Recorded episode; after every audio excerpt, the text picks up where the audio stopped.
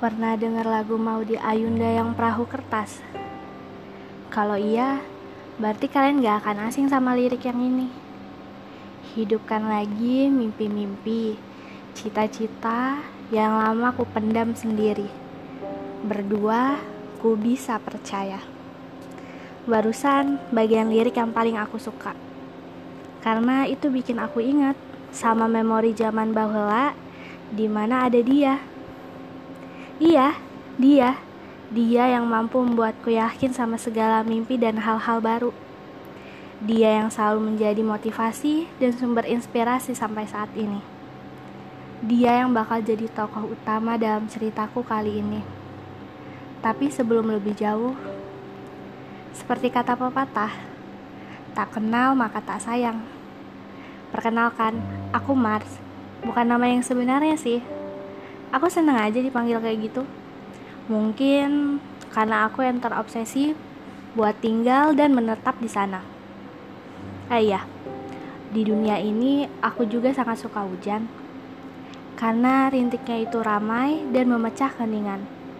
Belum lagi tiap kali hujan datang, dia selalu membawa cerita. Aku juga suka dengan langit yang membentang luas dan gak pernah sekalipun pergi ninggalin aku. Aku suka suara ombak yang tenang. Dan terakhir, tentu hal yang paling kusukai yaitu dia. Dia si manusia bumi. aku tahu, saat ini kalian pasti bingung sama nama panggilan konyol yang aku buat. Tapi aku punya alasannya. Bumi berputar, waktu terus berjalan, dan perasaan siapa yang tahu. Saat ini mungkin aku sangat mencintai manusia bumi dengan sepenuh hati. Tapi besok, Aku gak pernah tahu. Aku gak bisa menjanjikan perasaan ini selalu untuk dia. Tapi aku bisa janjikan semua hal tentang dia gak bakal pernah aku lupain sepanjang masih hidup. Karena itu, karena itu aku memutuskan untuk menceritakan perasaanku ke dia di podcast ini. Agar aku gak lupa kalau aku pernah sebegitu mencintainya sekaligus sebagai bentuk terima kasih juga ke dia karena sudah membuat aku bahagia. Bagi aku, manusia bumi termasuk orang terpenting di hidupku. Ada banyak hal yang sudah aku rasakan untuk dia. Dia itu cowok luar biasa. Karena kali pertama kali ketemu, dia langsung berhasil buat aku kesal setengah mampu sama sikapnya yang sengak. Aku gak akan pernah lupa. Gak akan pernah lupa sama tampang nyebelin dan ada bicaranya sama aku pas aku tanya siapa namanya. Padahal waktu itu aku nanya cuma formalitas aja. Sekedar formalitas aja buat nyelesain tugas dari senior waktu mos. Aku sama sekali tidak menduga setelah kegiatan mos selesai, kami berada di kelas yang sama. Saat itu, aku bicara pada diri sendiri supaya nggak pernah terlibat interaksi lebih jauh sama dia kalau itu bukan menyangkut pelajaran atau apa pun yang berkaitan dengan kegiatan di kelas. Tapi yang terjadi aku justru melanggarnya. Boleh nggak sih aku ketawa sebentar? Kalau diingat lagi, hubungan kami berasa asing. Kami ada di kelas yang sama, tapi seperti ada tembok tinggi di antara kami. Aku sibuk sama duniaku sendiri, gitu pula dengannya. Sampai akhirnya ada kejadian di mana aku muak banget sama dia sampai rasanya aku pengen banget nenggelamin dia di, di segitiga bermuda saat itu. Kalian harus tahu, di hari itu dia nuduh aku nyontek saat tanya jawab. Dia ngomong dengan lantang di hadapan teman sekelas dan guru yang ngajar. Aku benci banget sama dia. Itu makian terus berputar di kepala aku. Berkat dia, aku jadi kena ceramah panjang dari ibu guru. Dan namaku jadi masuk dalam daftar hitam.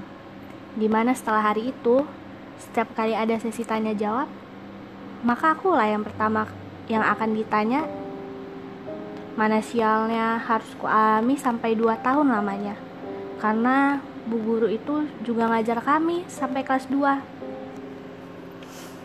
Aku rasanya pengen nunjuk mukanya dan maki dia secara langsung saat kejadian itu. Aku juga pengen teriak sekencengnya buat ngomong kalau apa yang lo tuduh ke gue itu salah woi. Gue cuma melintir tuh lembaran buku yang tutup karena gue gugup, bukan karena ngintip jawaban yang di sana. Ya, di mataku dia gak ada baik-baiknya. Sampai ada sebuah hari bersejarah di mana kami terlibat adu akting yang menggelikan yang disuruh sama bu guru saat jam pelajarannya terjadi dan mulai merubah pandanganku tentang dia. Ini klise, pakai banget sih. Dia ternyata asik buat diajak cerita. Dia lucu dengan segala jok receh. Dia baik dengan caranya sendiri. Dan seketika aku baru sadar. Aku baru sadar kalau dia semenyenangkan itu buatku. Mungkin ya, sebelumnya itu nggak akan terjadi kalau nggak terlepas dari ucapan teman-teman pas adu akting kita selesai. Ucapan mereka yang terus berputar di kepalaku sampai tidak sadar membuatku sering memperhatikannya secara diam-diam, membuatku mengenal hal baik tentangnya, sampai dia akhirnya jadi penghuni tetap pikiranku dan jadi pemilik hati serta pusat perhatianku. Tanpa pernah aku duga sebelumnya, dia pun berhasil menjadi manusia bumiku. Iya, bumi, bumi yang tadinya hanya berisi tentangku berubah jadi bumi yang berisikan kami. Bumi yang awalnya kupikir bakalan sesak kalau harus ditempati oleh orang lain. Bumi yang gak pernah kepikiran buat dibagi dengan siapa pun. Bumi yang harusnya kujaga sebagai tempat persembunyian satu-satunya yang kumiliki ketika dunia nyata terlalu sulit dihadapi. Semudah itu, dia resmi jadi manusia bumiku. Bicara soal tempat favorit nih, Kalian biasanya memilih spot mana untuk melihat dia tanpa ketahuan? Aku sendiri lebih menyukai duduk bersandar di bawah jendela. iya, jendela kelas.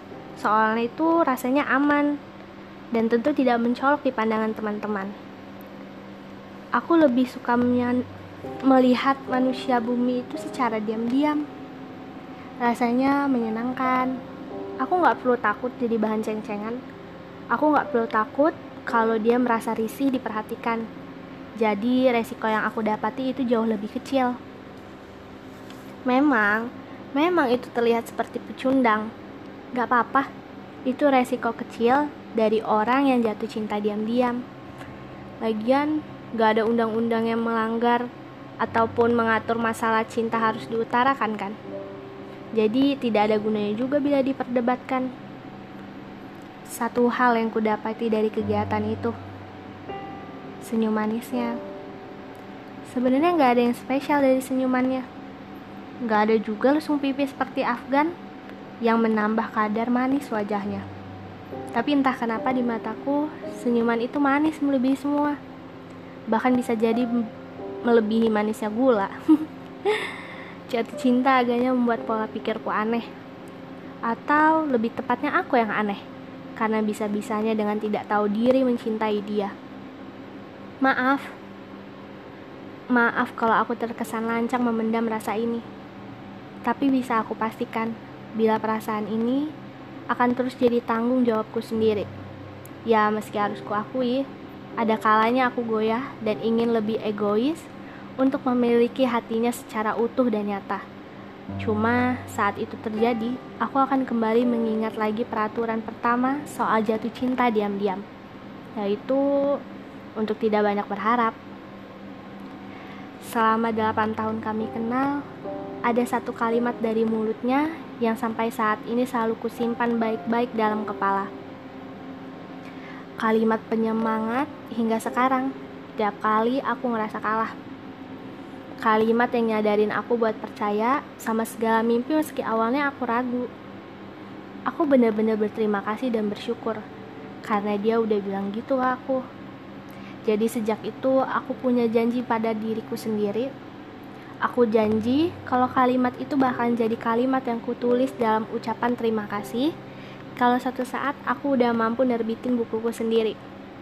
Tapi berhubung saat itu akan terjadi dalam kurun waktu yang aku nggak sanggup buat bilang, aku memutuskan untuk membocorkannya di sini bersama kalian. Dia bilang gini, gue yakin lo bisa, lo itu hebat. Sebaris kalimat barusan, ah ralat, lebih tepatnya sebaris penyelamat mimpi-mimpiku. Andai saja aku gak pernah dengar kalimat itu, mungkin aku udah lama berhenti dan sibuk nyari-nyari hal lain yang bisa kulaki, kulakuin selain menulis. Berhubung aku tidak punya keberanian untuk mengatakannya langsung, jadi lagi-lagi aku akan mengatakannya di sini bersama kalian. Terima kasih manusia bumi. Terima kasih udah ngajarin aku buat terus bermimpi dan percaya sama diri sendiri. Terima kasih banget. Aku benar-benar terima kasih sama kehadiran kamu. Dan aku juga berharap kamu juga bisa dapetin sedikit aja hal baik dari diri aku selama kita sama-sama. Tolong jangan hujat aku setelah kamu dengar kalimat sama-sama barusan.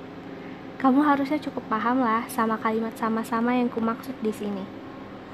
Lagian, buat sama-sama dalam arti yang sebenarnya, aku cukup tahu diri. Aku cukup tahu diri buat segera bangun dari mimpi.